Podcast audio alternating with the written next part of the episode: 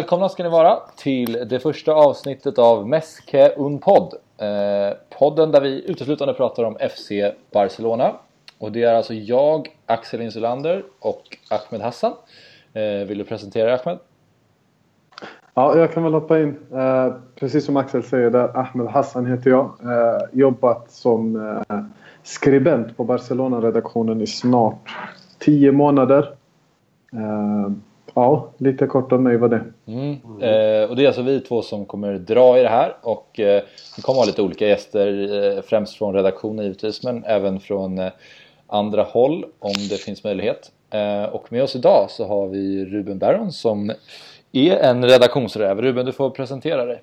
Ja, bra på namnet där också, med baron. Det är Mm. viktig detalj från början. Ja. Ja, nej men eh, skitkul att eh, vara med. Och jag kommer vara med emellanåt hoppas jag. Men, men så det behöver inte dras med mig hela tiden tror jag. Eh, men eh, skitkul att vara med. Kul att, vi, att ni gör det här. Mm. Det ska bli superkul. Eh, och vi tänkte att vi ska bara köra en kort faktaruta så här i början. Att man får berätta lite om sina Barcelona-minnen och så. Så att vi börjar då med Ahmed kanske. Om du drar din favoritspelare all time i Barcelona och även ditt bästa Barca-minne. Ja, favoritspelare all time är lite svårt med tanke på att vi har haft så många sköna profiler och så många bra fotbollsspelare i den här klubben. I alla fall under den tid som, som jag har supportat. Då. Eh, den första spelaren jag fastnade för och den som jag är närmast att säga namnet till är Rivaldo. Eh, det var väl ungefär då som, eh, som jag blev Barcelona-supporter när jag såg Rivaldo cykelsparka in eh, 3-2 mot eh, Valencia. Så att det är mitt första riktiga Barcelona-minne och det är väl därför som jag i så fall skulle kalla honom favoritspelare all time. Sen är ju Ronaldinho och Messi högt upp på listan och en liten personlig favorit är ju Andres Iniesta. Som, eh, Mm. Ja, så det är svårt som ni hör. Mm. Mm. Jag fattar. Mm. Ja, det gick ett litet Vem är- sus där genom podden när du nämnde Rivaldo. Ja, det- herregud. Det är knappt att man, man får ju gåshud omedelbart. Nu. Ja, jag håller med. Jag kan hoppa in direkt och säga att det, det, jag tror vi är ungefär lika gamla vad, vad jag vet. Det, det finns ju något med de här spelarna från när man var liten och började för Barca, precis som man säger. Det, alltså, och även fast de spelarna inte har egentligen gjort ett stort avtryck i klubben Mm. så finns det någonstans i ens, ens eget medvetande. Ja. Oavsett. Typ Saviola. Typ. Var väl i och för sig bra, men typ Saviola. Ja men lite så är det. Jag tänkte också Och på det att eh, det kan ju vara värt att nämna hur gamla vi är så att folk vet ungefär vad vi har för eh, var våra Mm. Barca-karriärer börjar någonstans. Ja, är ju, vi är väl någorlunda gamla. Vi båda, jag är ju 23. Mm. du, Och jag med. Mm, Och jag är 25 så att det är inte jättestor skillnad. nej. Nyss fyllda 25. Då kommer vi titta, det, vi kommer lita på dig att du kan dra till med gamla anekdoter och från förr. Eller hur? Eller hur? Ja, jag, jag, jag har ju faktiskt två år med. Så att när ni Ja, exakt, var är- i magen och sånt så hade jag ju nästan börjat gå. Eller jag kanske gick och pratade. Så att, Ja, ja, jag får dra anekdoterna. Ja, det är bra. Det är bra. Men eh, eh, bästa Barca-minne då? Eh, ja, men då är det... Då är Rivaldo det väl, cykelsparken? Ja, Rivaldo, Rivaldo cykelsparken. Eh, tätt följt av eh, Iniestas mål mot Chelsea Mm. i semifinalen. Jag har tittat på det målet så många gånger att jag till och med kan den katalanska versionen, eller kommentatorerna, vad de säger på katalanska. Eh, trots att jag inte pratar det. Men eh, ja, de två. Det är starkt. Mm. Ruben? Ja, alltså, ja, som sagt favoritspelare, det är väl någon av de där gamla... Alltså, jag ska, Rivaldo var en stor liksom, anledning att jag blev Barca också och sen tog ju Ronaldinho vid och eh, sådär och sen hela alla Guardiola stöttepelare någonstans. Men jag, eh, hade, jag minns också, jag hade en kort period där jag var otroligt eh, nästan på gränsen till besatt av Roberto Bonanno. Det var den gamla, den gamla ja, inte så eh, legendariska målvakten från, från Eh, Det förr. var, det var lite otippat att han du kom. Ja, nej, men det, alltså, jag, det var stod mellan honom och Christian Wall. Alltså, ja, liksom, det är lågodds. eller- Men, men, eh, nej, precis, honom tyckte jag om. Jag hade en kort målvaktskarriär när jag var liten. Jag blev ju inte målvakt, så det kanske är, han, det var fel målvakt att se upp till. helt enkelt. Men, men honom tyckte jag om ett bra tag. Mm. Eh, och ba, bästa Barca-minne, ja, det, alltså Iniesta-målet ligger nära till hands för, för många, även för mig. Eh, det var ju någonstans då man började också bli medveten om fotboll på något sätt. Liksom. Tidigare var man ganska enfaldig i sin kunskap. Men mm. det, och sen, sen, var jag på, jag var på, faktiskt på Xavis eh, avskedsmatch för två, det är två år sedan. oh. tror jag. Ja, det var speciellt ju. Ja. Eh, ja, på sitt sätt. Liksom. Ja, det var, det var, det var ballt. Mm. Så de två grejerna. Iniesta och eh, Xavi-matchen. Mm. Säger jag då. Mm. Mm. Ja, ska jag dra själv då lite vad jag har för, eh, för spelare och bästa Barca-minne? Först och främst kan jag säga att jag började skriva på Svenska fans för ett år sedan. Eh, nästan precis. Jag började i september där med vilken match det nu var, jag kommer inte riktigt ihåg. Eh, men så det är kul. Eh, min favoritspelare all time, jag har och funderat länge och det är ju precis som du säger, det finns ju många som eh, man, eh, man tänker på instinktivt men alltså jag tror nu efter alla dessa år när man har växt upp i Leo Messi-eran att det är Messi.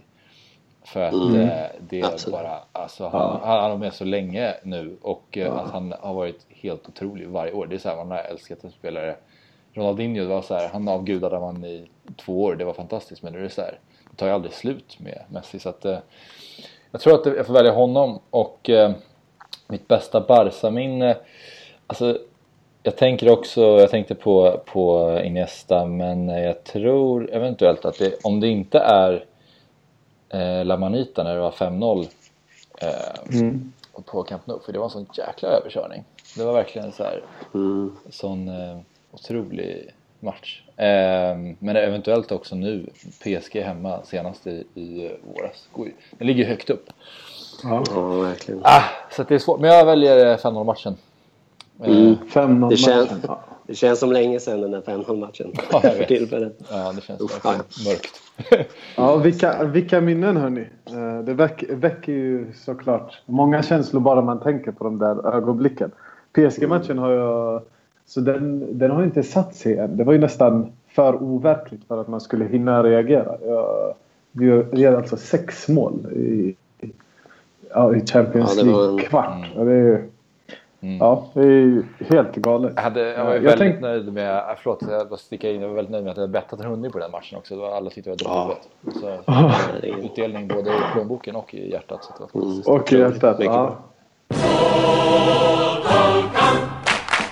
Eh, jag tänkte, vi har ju haft en ganska intressant sommar eh, om man ska vara lite snäll med orden. Det har ju hänt ganska mycket värvningsmässigt. Så jag tänkte att vi ska gå in och prata lite om eh, sommarmerkaton. Vad, vad är era första intryck? Om vi börjar med dig Ruben. Ja, alltså det är svårt att inte tänka på Neymar först och främst. Alltså, såklart. Och jag tycker väl, om vi kan ta avstamp i Neymar så tycker jag väl att det är, det är väldigt många där ute som hängde honom för att Ja, men för att det hela gick till på, på som det gick till. Och jag, personligen tycker jag att det var helt rimligt att han gick nu om inte nu så skulle han gått inom ett, högst två år. Alltså, så det faktum att han gick och det faktum att mm. PSG var ute efter honom tycker inte jag var problematiskt i sig. Och jag tycker inte att... Ja, det är inte, vi står ju inte och faller med honom på något sätt. Liksom. Men sen kan man ju tycka vad man vill om affären som sådan, alltså med hela Qatar-ingången och sådär. Men eh, det är ju... Problemet är väl hur vi har, eh, vad som har hänt sen att vi inte har kunnat eh, ersätta honom på ett vettigt sätt ännu och inte heller kunnat förstärka laget på ett vettigt sätt ännu i stort. Liksom. Men så sådär, alltså, som man märker att hon hittills i alla fall har ju inte, man jublar inte direkt. oh. Ännu i alla fall, det är ju ett tag kvar. Ja, nej men jag förstår. Vi kommer att prata om uh, spelare in och så lite längre fram. Men vad, vad tycker du? Vad är dina intryck hittills Axel? Alltså om man ska spinna vidare på, på Neymar som eh, ju är det största som har hänt i sommar så tycker jag ju eh, Alltså jag, jag, jag, förstår ju honom till viss del för det är lite så här, han har många brassepolare i PSG, han får vara big star eh, De lirar ju CL, de har ett bra lag liksom så det är det är, det är ett nedköp rent ligamässigt men eh, just nu om inte Barcelona fyller ut med någon någon vettig ersättare så är det ju inte nödvändigtvis så att han har gått till ett sämre lag längre. Vilket det, det alltid har känts som. Ehm, och det som är lite tråkigt är ju att det alltid känns som att han och Messi och, och Suarez har varit så jäkla tajta och bra polare så det känns som att den här trion kommer ju spela tills de fyller 40 tillsammans liksom.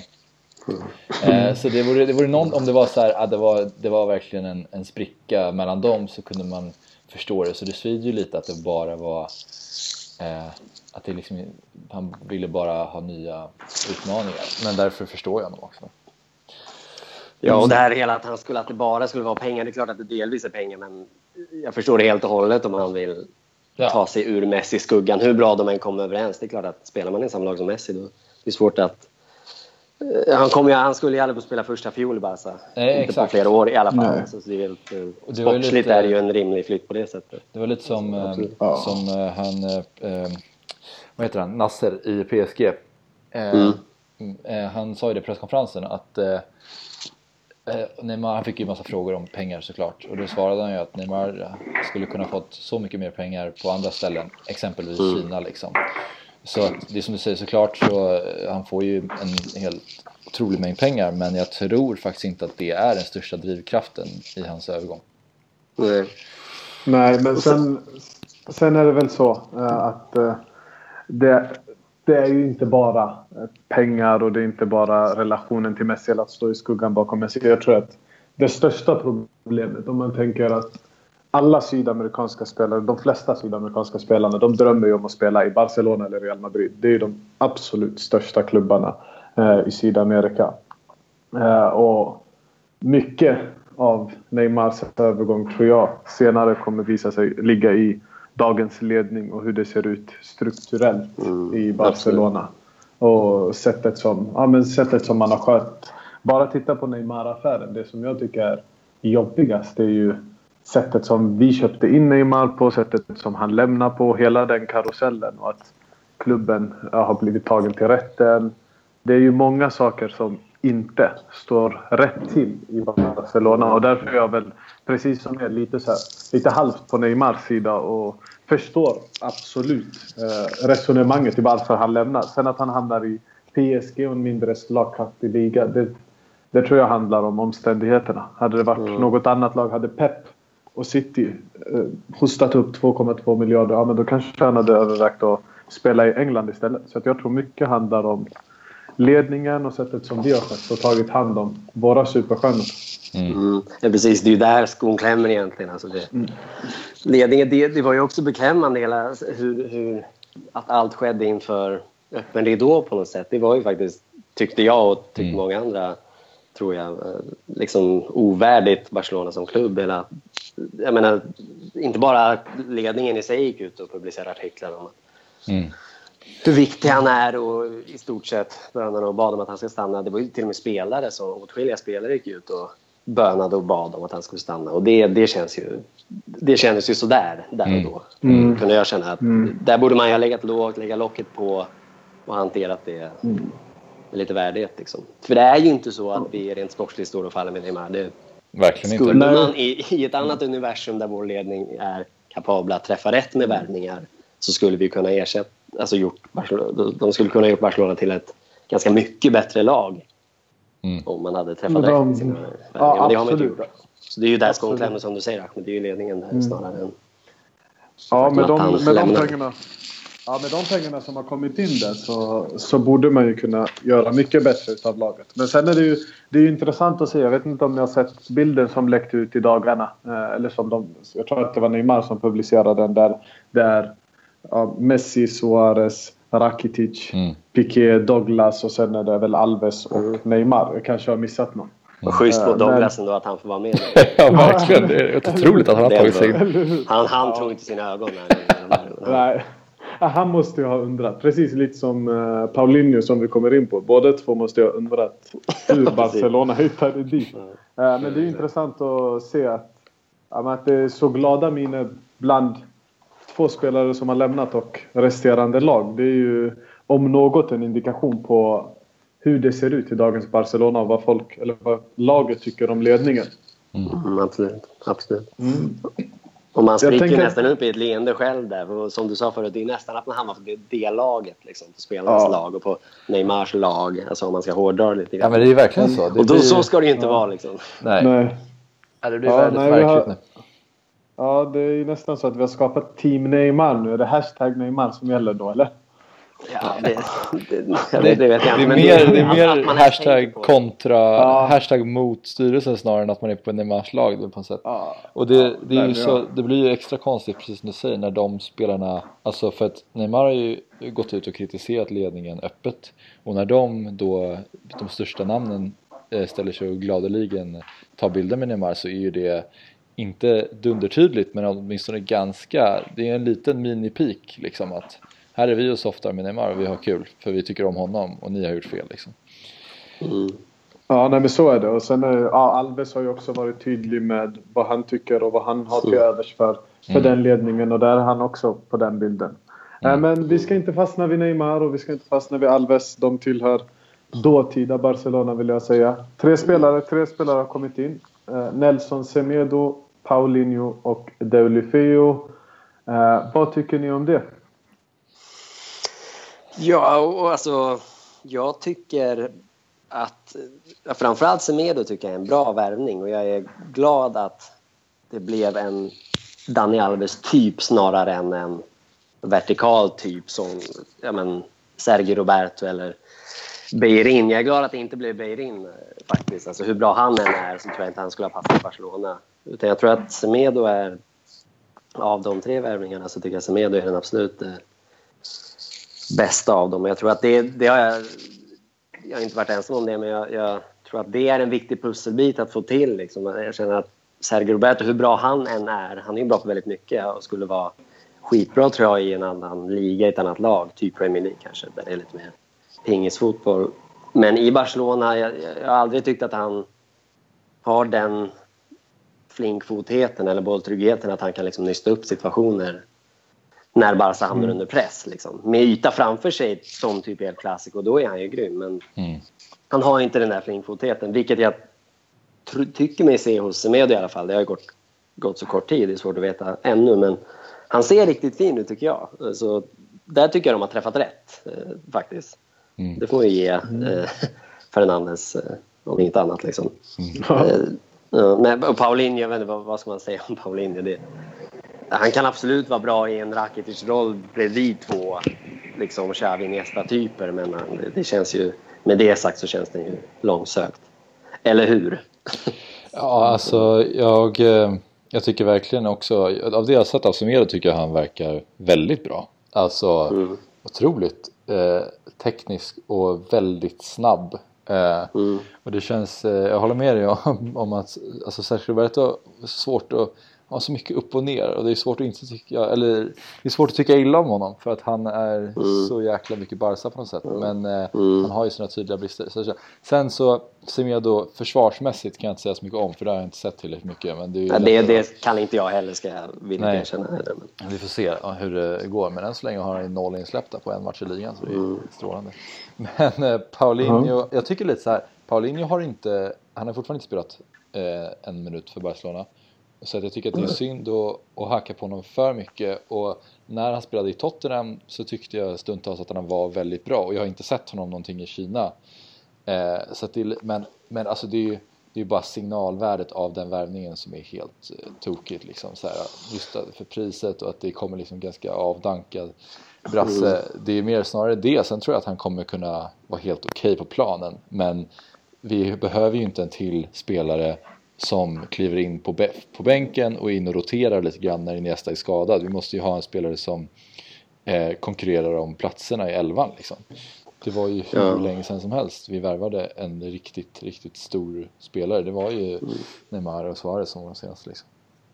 Ja, och det är väl lite ledningen också, apropå, apropå ledningen och sådär och deras förmåga eller, eller oförmåga att träffa rätt med värvningar. Det, det är ju någonstans deras jobb att kunna att ha den sportsliga kunskapen, att kunna identifiera när det behövs en värvning utifrån eller när man kan lyfta upp en spelare. Mm. Och i, i fallet Paulinho, jag tycker att den värvningen är meningslös så tillvida att det faktiskt för en gångs skull ju finns eh, en eller två spelare underifrån som faktiskt ser ganska bra ut. Jag tänker på Alenia och mm. Samper. Framförallt Alenia tycker jag. Mm. Han är väl något mer av en Iniesta-typ men, men det finns ju faktiskt eh, spelare underifrån som skulle kunna fylla det tomrummet som de tycker sig se. Mm. Och som de har fyllt med Paulinho. Så, så tillvida känns ju, känns ju det märkligt. Han- Paulinho som säger går inte in och gör Barcelona till ett bättre lag omedelbart. Nej. Så då kan man ju lika gärna faktiskt vända sig till de egna leden, kan jag tycka. Mm. Med, det, med, det, med det sagt så tycker jag att absolut man ska kunna vända sig utåt och värva, eh, ja, men, rekrytera för bättre, förstärkning när det finns behov. Men, men jag tycker då ska man väl ta i lite grann eller träffa rätt. Ja, det var verkligen en mellanmjölk här. Det här var bara en uppbromsning för talanger. Så, Ja, och då är det ju bara, då känns ju faktiskt att det ska ske på bekostnad av Samper till exempel. Det känns ju lite, lite Mm. tråkigt ändå. Eh, faktiskt. Ja, nej, men jag, jag är väl inne på samma spår. Jag håller med båda. Jag tycker att eh, Semedo ser otroligt spännande ut. Sen är det ju svårt att dra slutsatser av en match. Men han verkar ju ha det som man ska ha som högerback för Barcelona. Väldigt snabb, fyller på bra uppåt, bolltrygg eh, och sätter sig i kombinationsspelet med Messi så tror jag att vi ja, för första gången sedan Alves lämnade då har en riktig ersättare till honom. Eh, Sergio Roberto, precis som ni säger, tycker jag var en nödlösning på högerbacken. Däremot tycker jag mig se lite större potential än vad jag hör ifrån er när det kommer till mittfältsspelet. Där tror jag att han kan bli väldigt, väldigt nyttig i år för Barcelona. Eh, Kanske. Alltså. Förhoppningsvis har du rätt. Men jag, jag, Ja. för, för som, som Axel sa, han, han, han är en tydlig Barca-symbol. Liksom. Alltså, jag skulle ja, gärna men- säga att han, han blommade ut. Men jag, jag, jag tycker han, han är inte tillräckligt Han är lite valpig tycker jag på liksom-. Ja, jag tycker han har inte fötterna nog, skulle jag säga. Men Ja. å andra sidan i en mer... I en lite mer eh, Rakitic-roll kanske han skulle passa fint. Men han vill ju spela... Han vill ju vara en spelförande mittfältare, så vitt jag begriper. Eller hur? Han, han, och det jag tycker inte han är Det tror jag att tillräckligt... han Nej, precis. Ja. Jag tycker han, är, han varken har spelförståelse eller teknik nog för det. Det han är bra Ja. på är ju... Han är ju rivig i djupled liksom, och rivig i genombrotts... Han kan faktiskt ta sig förbi en spelare när han får bara Ja. kubba på, med gräs framför sig. Men, Ja, nej, men förhoppningsvis får du rätt, Ahmed. Det Ja, nej, skulle jag inte vara första det. gången jag har fel. Det. Ja, nej men alltså, det, det jag tänker, hur många chanser har han egentligen fått alltså, på mitten? Många gånger så... Han har ju varit...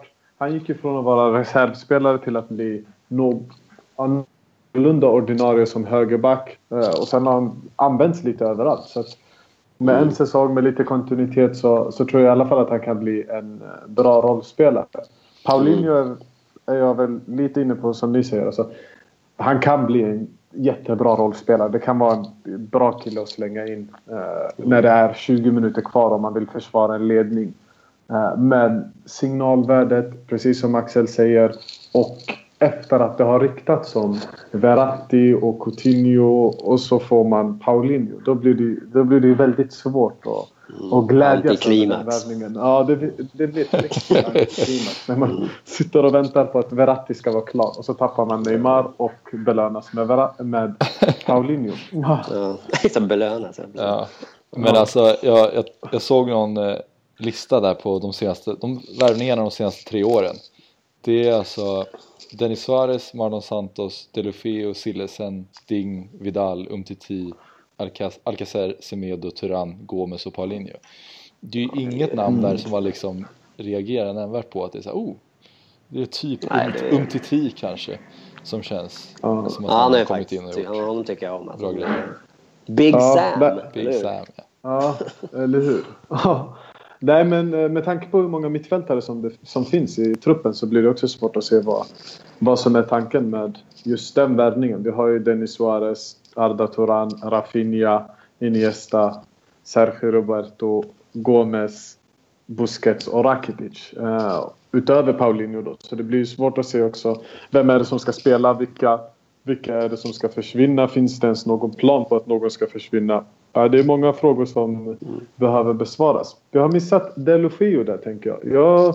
Jag tycker att han gjorde en ganska bra eh, ny debut då, mot eh, Real Betis. Jag tycker att han kanske kan vara intressant i lite mindre matcher. Sen tror jag inte att han kommer hålla mot eh, Real Madrid eller i senare eller i slutskedet av Champions League. Men Betis och Granada och Real Sociedad, då tror jag att han kan klara av. Inte för att det är dåliga lag, men jag tror att han har de egenskaper som man behöver för att vara en helt okej La Liga-spelare. Vad säger ni? Uh, först nu kommer du få hela Sociedad-forumet emot dig. Men eh, med det sagt så... Alltså det, jag, jag, tycker han... Jag delar väl många andra spelare, men han har jävligt höjd, hög höjd. Liksom. Han är ju genombrottsstark och har en ja, men hög högsta nivå. Men han, han känns ju... Och jag tyckte också, jag håller med dig, jag tycker han var bra mot Betis. Han, om än lite feg kanske. Jag, jag tycker att han borde gå emot sin spelare lite ofta. Men jag, jag tycker han var bra. Och, ja. Han var ju dock, var han inte jävla usel mot eh, ja, i Supercup-matcherna. Eller var det bara jag som... jo, det tycker jag också. Ja, men vad, framstod ju enormt valpig alltså. Ja, det, det är valid point. Men jag tyckte han, han liksom tog ju otroligt många felbeslut och spelade ja. ju väldigt alltså, säkert. Jag, jag, tycker att Delofeo är så här, uh, han är, han är ju, jag tycker han är så enkelspårig och ibland får han ut det han kan för att han är så pass rapp. Uh, men det mm. finns noll finurlighet kring det han gör. Alltså som typ Neymar hade, trots att alla vet precis vem han är så lyckas han ju ändå trolla bort motståndaren. Liksom. Delofeo, mm. han springer ju förbi eller så här, rycker och det kan funka mm. mot Sociedad kanske. Men, men, med, men det funkar ju bevisligen inte i ett El Clasico liksom och det är ju ganska mm. rimligt. Nej men, ja, nej, men jag håller med. Lite, lite, så här, lite fotbollsdumt skulle jag vilja säga. Så det det är ju ja, det är inte jättegenomtänkt och det ser man ju när, när vi spelar mot Real Madrid så, så dyker han inte upp och gör precis som Ruben säger väldigt mycket felbeslut. Det är passningar när det inte ska passas och det är dribblingar när det inte ska dribblas. Så lite spelförståelse och, och, den tycker jag saknas i alla fall på den högsta världsnivån. Sen mm. som, som vi kanske har varit inne på så tror jag att han kan göra det ganska bra eh, i La Liga-lunket mot de lite mindre lagen. Mm. Mm. Då ska vi gå vidare och prata lite grann om vår nya tränare, eh, Valverde. Vad eh, tycker ni än så länge? Vi kan prata lite generellt om vad ni tycker, eh, hur ni tycker spelet har sett ut under hans ledning so far. Det är ju ganska, säsongen har inte kommit så långt än, men, eh, men vad tycker ni? Eh, Ahmed? Nej, men jag tycker, det har väl sett, alltså det är ju svårt att dra stora växlar av de få matcher vi har spelat. Eh, Supercupen är ju en sån där som man värderar väldigt högt de gånger man vinner den och sen så tycker man inte att den är så viktig när man, när man förlorar den. Eh, så att, så att jag räknar väl den som någon av våra försäsongsmatcher. Eh, däremot är det ju aldrig roligt att förlora mot eh, Real och inte när det, när det är en titel på spel. Så att, i de matcherna tycker jag att det såg lite farligt ut. Och, eh, så här, lite oroväckande om jag ska vara helt ärlig. Det kändes som att det är första gången på ja, kanske tio år i alla fall som jag känner att vi är underlägsna Real Madrid. Och det kändes inte som att vi riktigt hade chansen. Även om jag inte tycker att vi spelmässigt eh, var mycket sämre så kändes det som att Real Madrid i, i, ja, i sista tredjedelen och i de här avgörande spelmomenten var snäppet vassare. Eh, sen hade vi en ganska trevlig försäsong med eh, idel segrar då. Eh, och då slog vi Juventus, Barcelona, Juventus United och Real Madrid. Och då var det väl Neymar som var framstående så man kommer ju alltid tillbaka till honom. Mm. Ja, det var man. Ja, alltså, om, jag, om jag får säga, jag tycker just försäsongen var, var otroligt hoppingivande tyckte jag när jag satt när man satt upp på nätterna och, och såg de här matcherna. Jag tyckte, tyckte det fanns en ganska tydlig särprägel på laget liksom omedelbart. Mm.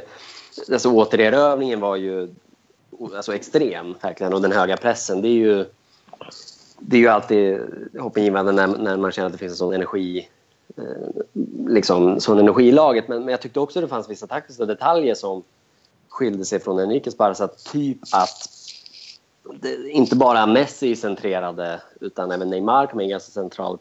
Och han Suarez och alltså MSN bildade någon typ av diamant centralt och fungerade då som ytterligare eh, uppspelspunkter. Liksom. Och på så sätt reparerar man typ den problematiken vi har haft hela, mm. hela, hela fjolårssäsongen med, mm. med ett underbefolkat mittfält så att säga. Mm. Eh, det tyckte jag var ganska bra. Jag tyckte när vi inte har de här bolltrygga, när vi inte har Xavi kort sagt så, så eh, är det, det är ett sätt att råda bot på den problematiken är att överbefolka. Och det mm. tyckte man gjorde på ett bra sätt. Liksom. Sen klipp till Supercupen där, då Neymar borta, Delofeu in. Då fanns det inte spår av det. Att man centrerade, att trion centrerade. Utan då Delofeu, han befann sig ju ganska uteslutande längs linjen till vänster. Och, och då blev det ju lite same old känner jag. Då, plötsligt såg man ingen skillnad från Enrique Sparras. Och inte heller var ju alltså återerövringen eller den höga pressen särskilt intensiv. Utan det var ju snarare att man, precis som under Enrique, tenderade att liksom falla tillbaka när reella bollen... Låt vara att de är ett grymt lag, men det, att, mm. att Barca behöver falla tillbaka är ju någonstans... Det är ju kvitto på att vi inte har en trupp som kan spela på det sättet Barca vill. Mm. Alltså, vi ska ju ha bollen och kontrollera och när vi inte har bollen ta tillbaka bollen. Det är ju, det är ju grundbultarna i spelet. Och lyckas vi inte det, då, då tvingas man falla tillbaka. Så det, det, Supercupen var ju oroväckande. Eh, mm. Tyvärr, efter en då väldigt hoppingivande för, för säsong med massa spännande grejer.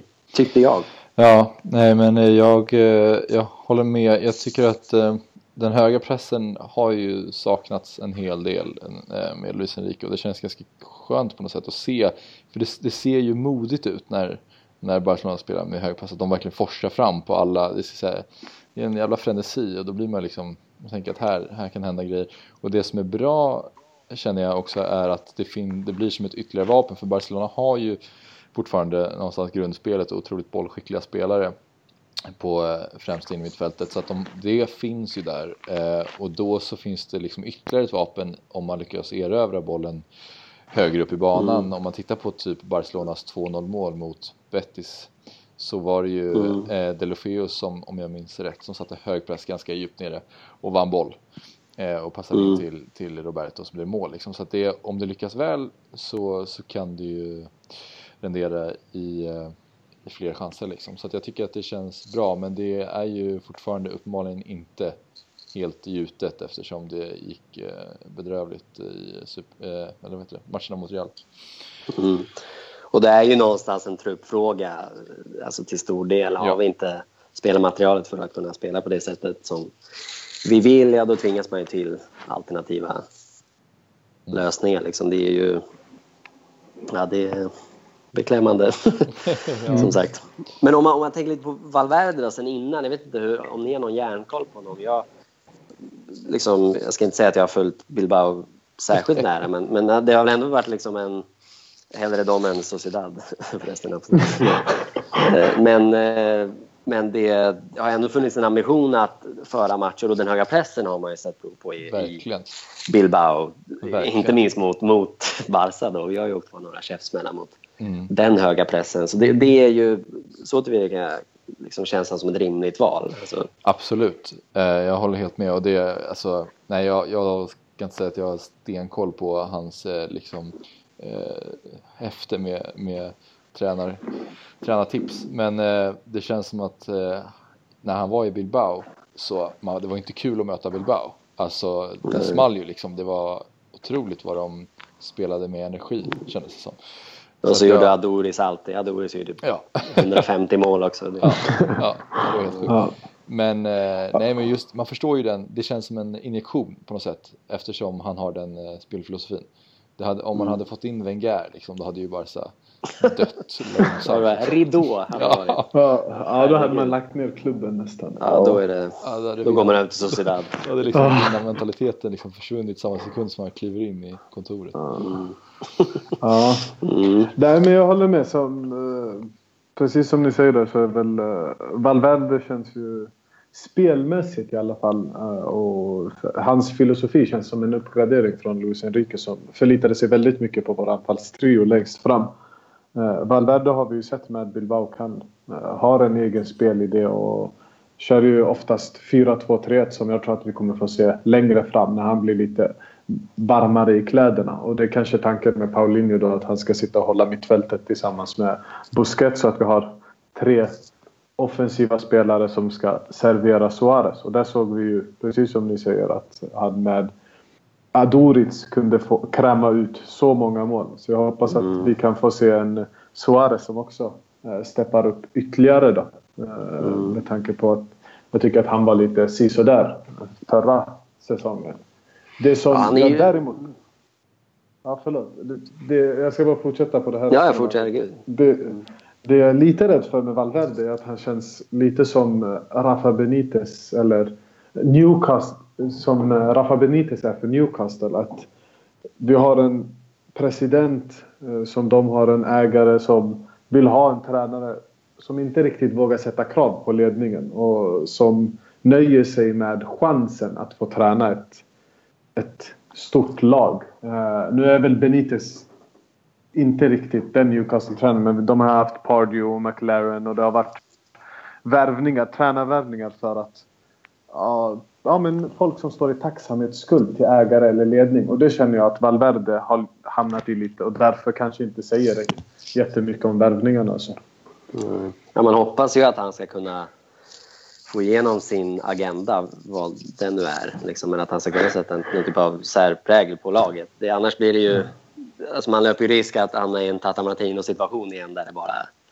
Ja, men som du säger, där, man, där det flyter på ja. saker och ting och han nöjer sig med att vara tränare för Barcelona och inte mm. kan sätta sin prägel. Det, där vill vi inte hamna. Utan det kommer inte föda någon ny energi och ny energi behöver vi tveklöst just nu. Ja. Ja, men tror ni att han kan, han kan göra det då? Jag är väldigt skeptisk på den punkten. Jag tror att, att han har värvats in av eh, Bartomeu och så. För att, ja, han kommer, dels så tror jag att han kommer få resultat med sig. Jag tror att han är tillräckligt bra och skicklig för att få resultat med sig. Men jag tror inte att han kommer vara den som kravsätter och ja, sätter press på ledningen och vill ha in sina värvningar. Och, Nej, vad tror ni? Nej, jag tror, vad det värvningar som tror jag absolut han inte har något att säga till om. Eh, eller det har han kanske, men han, han tar inte något slutgiltigt beslut vad det verkar. Men mm. jag tänker mer spelmässigt att han kan, kan sätta sin Ja, men absolut. Det, det, ja, det, det, tror jag att han kommer göra. Vi går in på en eh, tre då och det är premiären mot Betis. Vi har pratat lite om det eh, tidigare men om vi börjar med, hur kändes premiären? Ja, vad kändes premiären? Den kändes ju... Eh, jag tyckte att den kändes helt, helt okej. Okay. Men det var verkligen ljummet på något sätt. Det var bra, och det var ju såklart bra att eh, Barcelona vann matchen. Det, det jag mest tar med mig är att det var så mörkt och så, det kändes som här, de här rungande stolpträffarna från Messi gång på gång på gång kändes som att de verkligen mm. symboliserade att nu går det åt helvete på något sätt. det var bara så här, nu, han sprang omkring där ensam utan Neymar, utan Suarez och försökte trolla mm. fram lite målchanser och så gick det aldrig hans väg. Liksom kände jag bara så här, stanna kvar i Barca snälla Messi, lämna inte nu. På något sätt. Det var mina, mm. var lite så man, hyste ju, man hyste ju en enorm kärlek mot Messi då, kände jag i alla fall att han ändå springer runt där och håller huvudet och försöker, ja. förhållandevis högt ändå. Alltså, det kanske, han kanske planerar på en City-flytt, vem vet? Men det, det, det tror jag inte. Liksom, ta i trä, så att säga. Nej, men jag håller med om att eh, liksom, ljummen är väl ordet. Och jag, hela inramningen och förutsättningarna inför matchen var inte heller optimala. Det var inte som upplagt för fotbollsfest direkt med tanke på vad som hände med, med, med terrordådet och sådär. Men man slås ju också av som jag sa innan, jag slogs av att, jag, av att Deulofeu befann sig så långt ut vänster. Det tycker jag var synd och tråkigt. Jag hade hoppats på att få se det man såg på försäsongen med en, en sorts centrerad trio och, en och uh, i förlängningen en överbefolkad, ett överbefolkat mittfält. Men det fick man inte riktigt se. Uh, sådär. Men, uh, men han var ju, som vi sa, han var ju i och för sig bra där i matchen.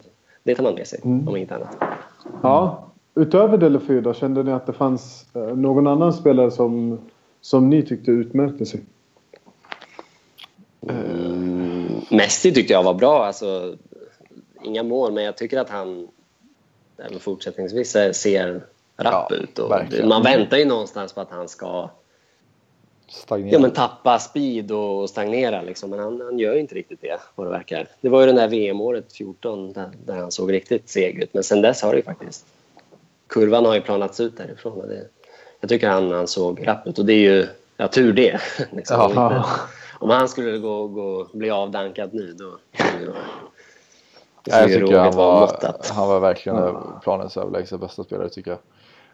Eh, mm. Men eh, vilka, jag måste försöka tänka tillbaka lite. Jag tyckte väl mm. om jag minns rätt att Umtiti var rätt bra. Eh, mm.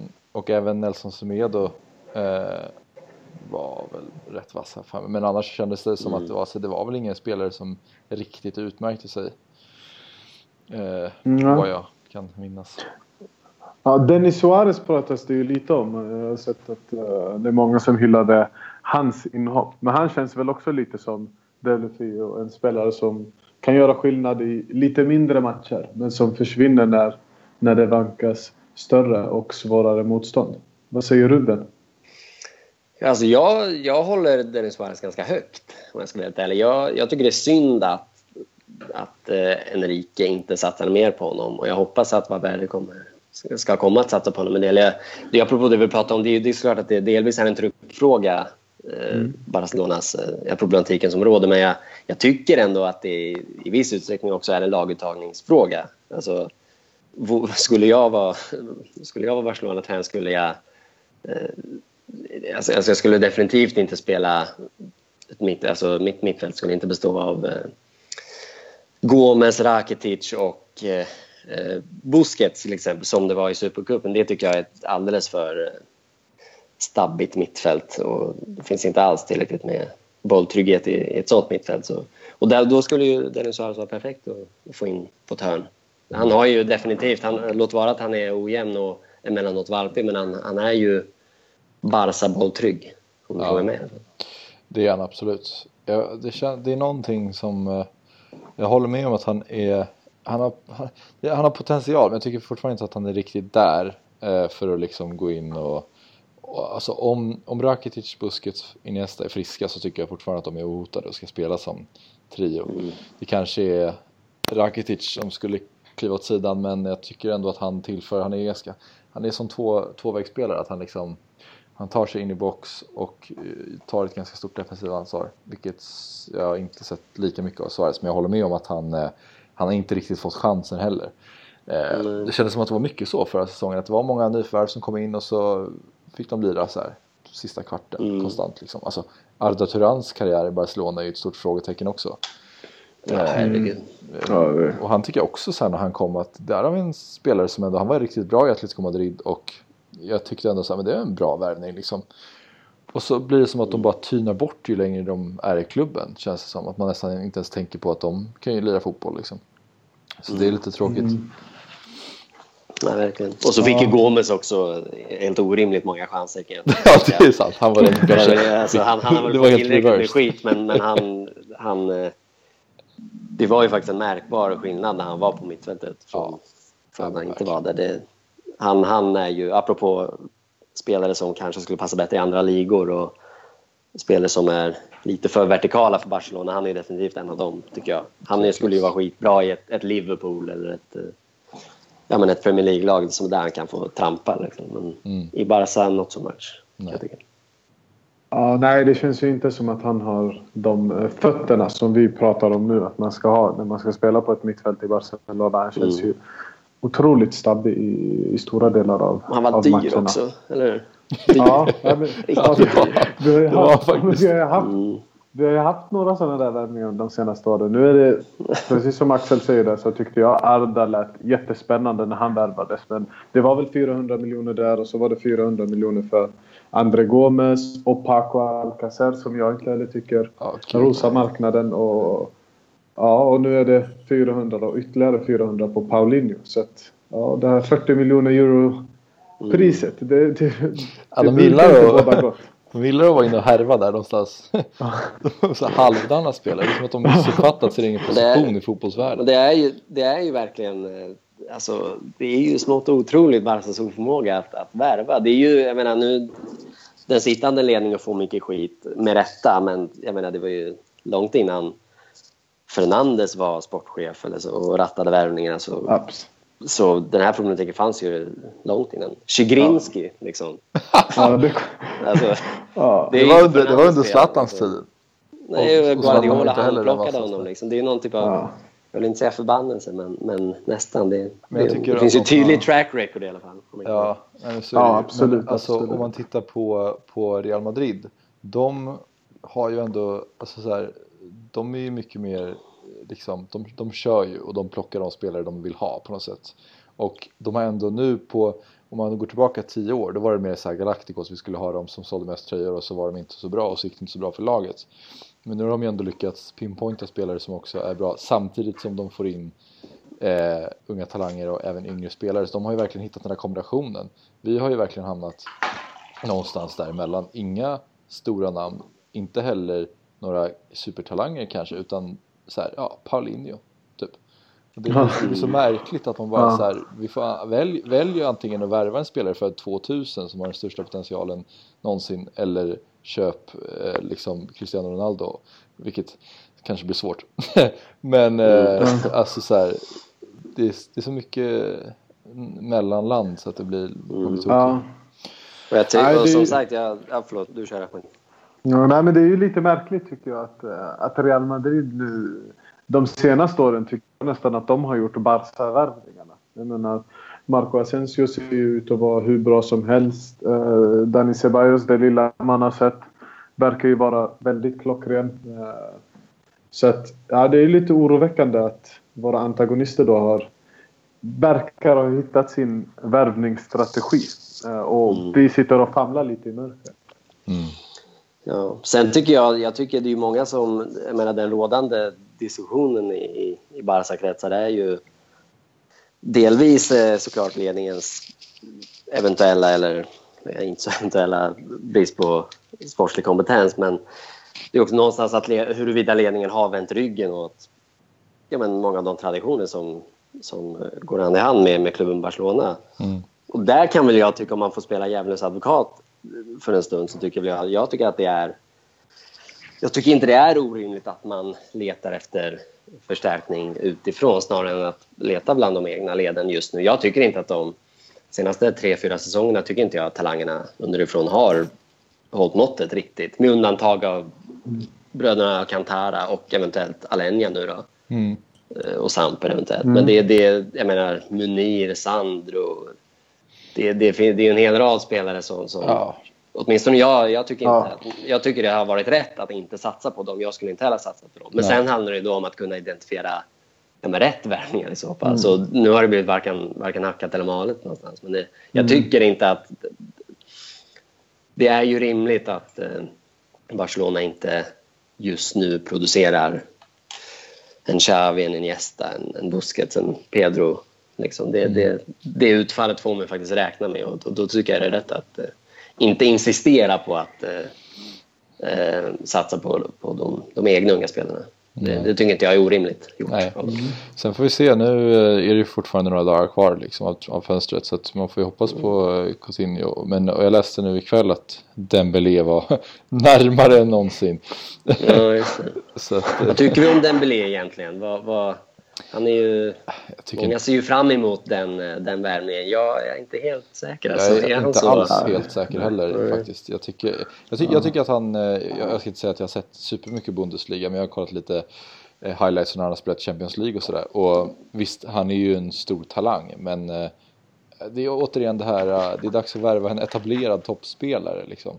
För mm. att kunna fylla ut Neymars mm. skor till exempel. Och han kommer ju mm. vara bra men jag tror inte att han kommer ta oss till liksom, en Champions League-seger. Mm. Ja. Coutinho Nej, men det... Ja, Coutinho, absolut. Ja. Vad tror vi om ja. Coutinho? Nej, jag, alltså, jag, jag, ska jag vara helt ärlig så tycker jag att värvningsstrategin är mycket märklig. Jag, jag är inte helt övertygad om att det vi mest behöver är en offensiv spelare. Även om vi skulle må bra av att ha ytterligare en i, i trion så finns det mycket som tyder på att man inte behöver ha de absolut bästa spelarna på varje position, i alla fall offensivt sett. Jag skulle nog vilja se en mittbacksvärvning. Jag tycker att, eh, till att börja med. Så jag tycker inte att eh, uh, Piqué Umtiti har varit ett uh, så här, trygghetsingivande mittbackspar. Jag tycker att de uh, tillsammans i alla fall inte får ut det som jag vill se av en Barca backlinje. Med tanke på att vi alltid äger boll och att vårt försvar hela tiden blir blottat så skulle jag vilja se en riktig försvarsgeneral. Eh, och nu pratas det lite om, eller har pratats om tidigare, Inigo Martinez. Det låter väl intressant men jag skulle nog vilja se en riktig krackvärvning i backlinjen till att börja med. Mm. Eh, sen sen eh, Dembélé, ja, det är väl lite som ni säger. Eh, väldigt ung. Eh, relativt oprövad i större sammanhang. Han har väl haft en bra säsong med Dortmund. Han köptes ju för 10 procent av det priset som det pratas om idag. Ska vi betala 1,5 miljoner för en spelare som har haft en bra säsong i Champions League? Det känns lite väl mycket och då är vi där. Eh, på det vi pratade om tidigare. Att vi spenderar väldigt mycket pengar på värvningar som kanske inte är helt genomtänkta. Mm. Nej, mittback vore ju något, men, men jag, jag, kan ändå, jag tycker ändå att, eh, att prioritet borde ligga på att få in en riktigt bolltrygg mittfältare. Eh, och helst av allt kan jag tycka, apropå mittfältare, en mittfältare som inte bara är Xavi bolltrygg, men, men nu när Neymar är borta så kan jag tycka att det finns ett värde i att plocka in någon som har ett visst mått av genombrottskraft också. Mm. Och det har ju Coutinho. Han är ju liksom hur dyr han än är så, och hur orimlig den värvningen än är på det sättet så tycker jag ändå han som spelar typ är rätt för Barcelona. Det tror jag verkligen. Jag tänker mig någon typ av Isco-roll för honom där han dels kan gå ner och nysta upp situationen men där han också kan faktiskt gå emot sin spelare som Iniesta inte längre kan, eller han inte gör på samma sätt i alla fall. Ja. Och med tanke på att Neymar är borta så där tappar vi ytterligare genombrottskraft. Och det är ju det, men det, Barca löper ju ofta risk att bli även när vi har ett bolltryck mittfält som kan trilla boll så, löper vi, så, så hamnar vi ofta i en situation där, där det blir handbollsspel och då behövs det ju lite genombrottskraft. Ja, Messi är ju ja. ja. någon som kan bryta linjen liksom, med, ja, och, med gå förbi sin mm. spelare. Och det kunde ju Iniesta, det kan han inte längre mm. på samma sätt.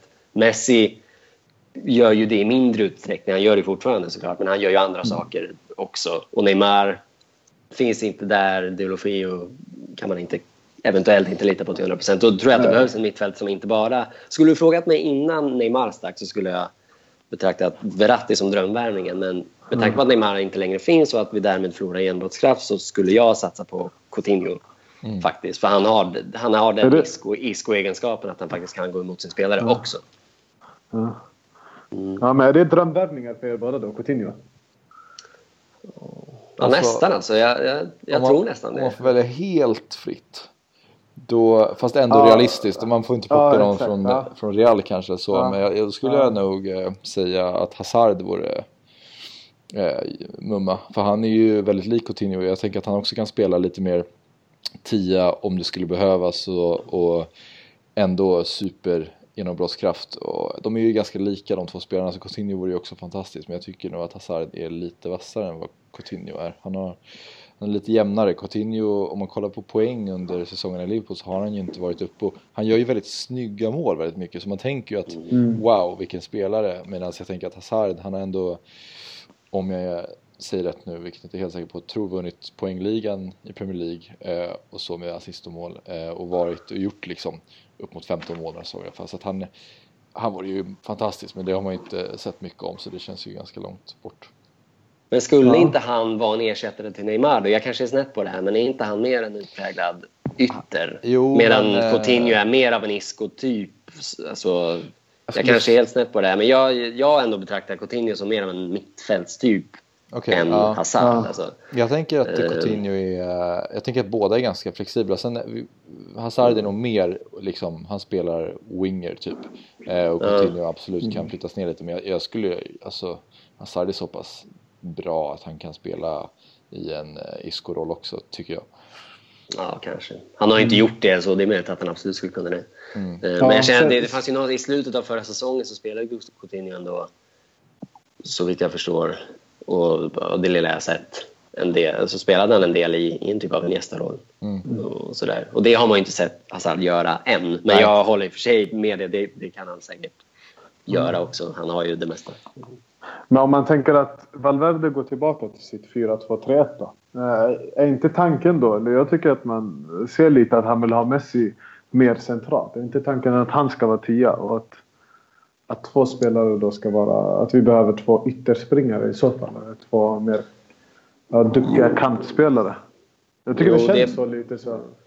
På, uh, Absolut. I alla fall jag, under... Jag fortsätter.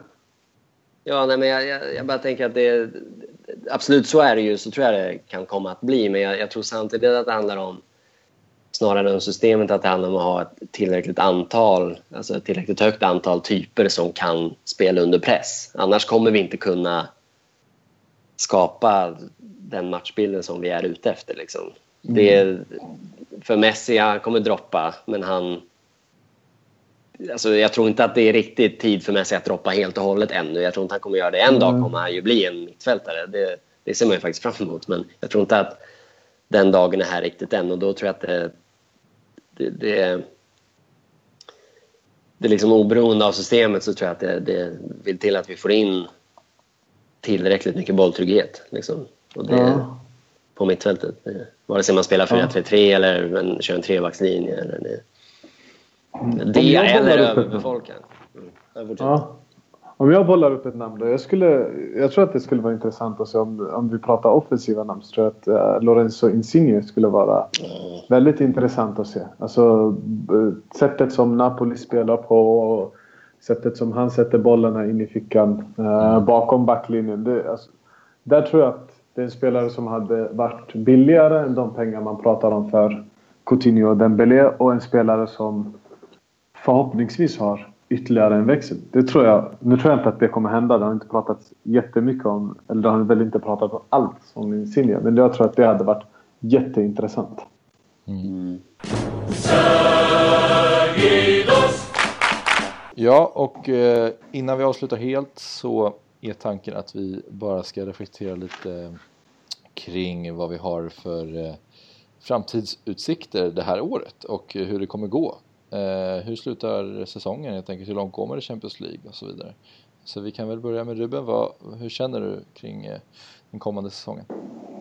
Ja, det, det, det luktar ju lite mellanår men, men med det sagt så tycker jag ändå man ska komma ihåg att marginalerna är ändå ganska små. Man, man pratar om kris till höger och vänster men det som, som vi har varit inne på ett par rätt värvningar så är ju Barcelona fortfarande ett, ett väldigt, väldigt bra lag. Så jag, jag går ändå in i säsongen med lite, eh, ett visst mått av tillförsikt liksom, och tror att, tror att vi, eh, förutsatt att det kommer in ett par spelare, tror jag absolut att vi kan konkurrera om, om titlarna. Men eh, det är ju kortsiktigt perspektiv. Det, det, det, är väl mer relevant att prata om strukturen i klubben och så där. Men, men ett visst mått av tillförsikt ändå. Mm. Ahmed? Ja, ja. Nej, men jag...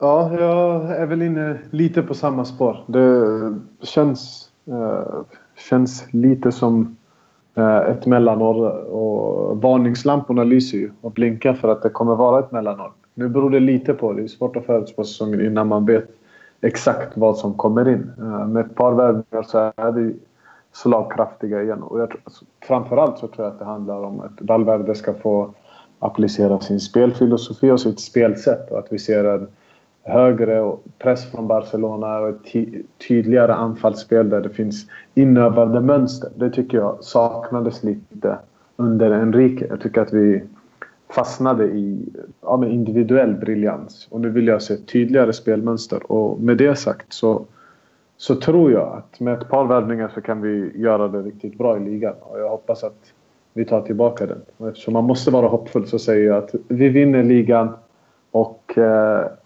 Valverde gör en Guardiola och tar även Champions League under sin första säsong. Uff. Ja, stort. ja.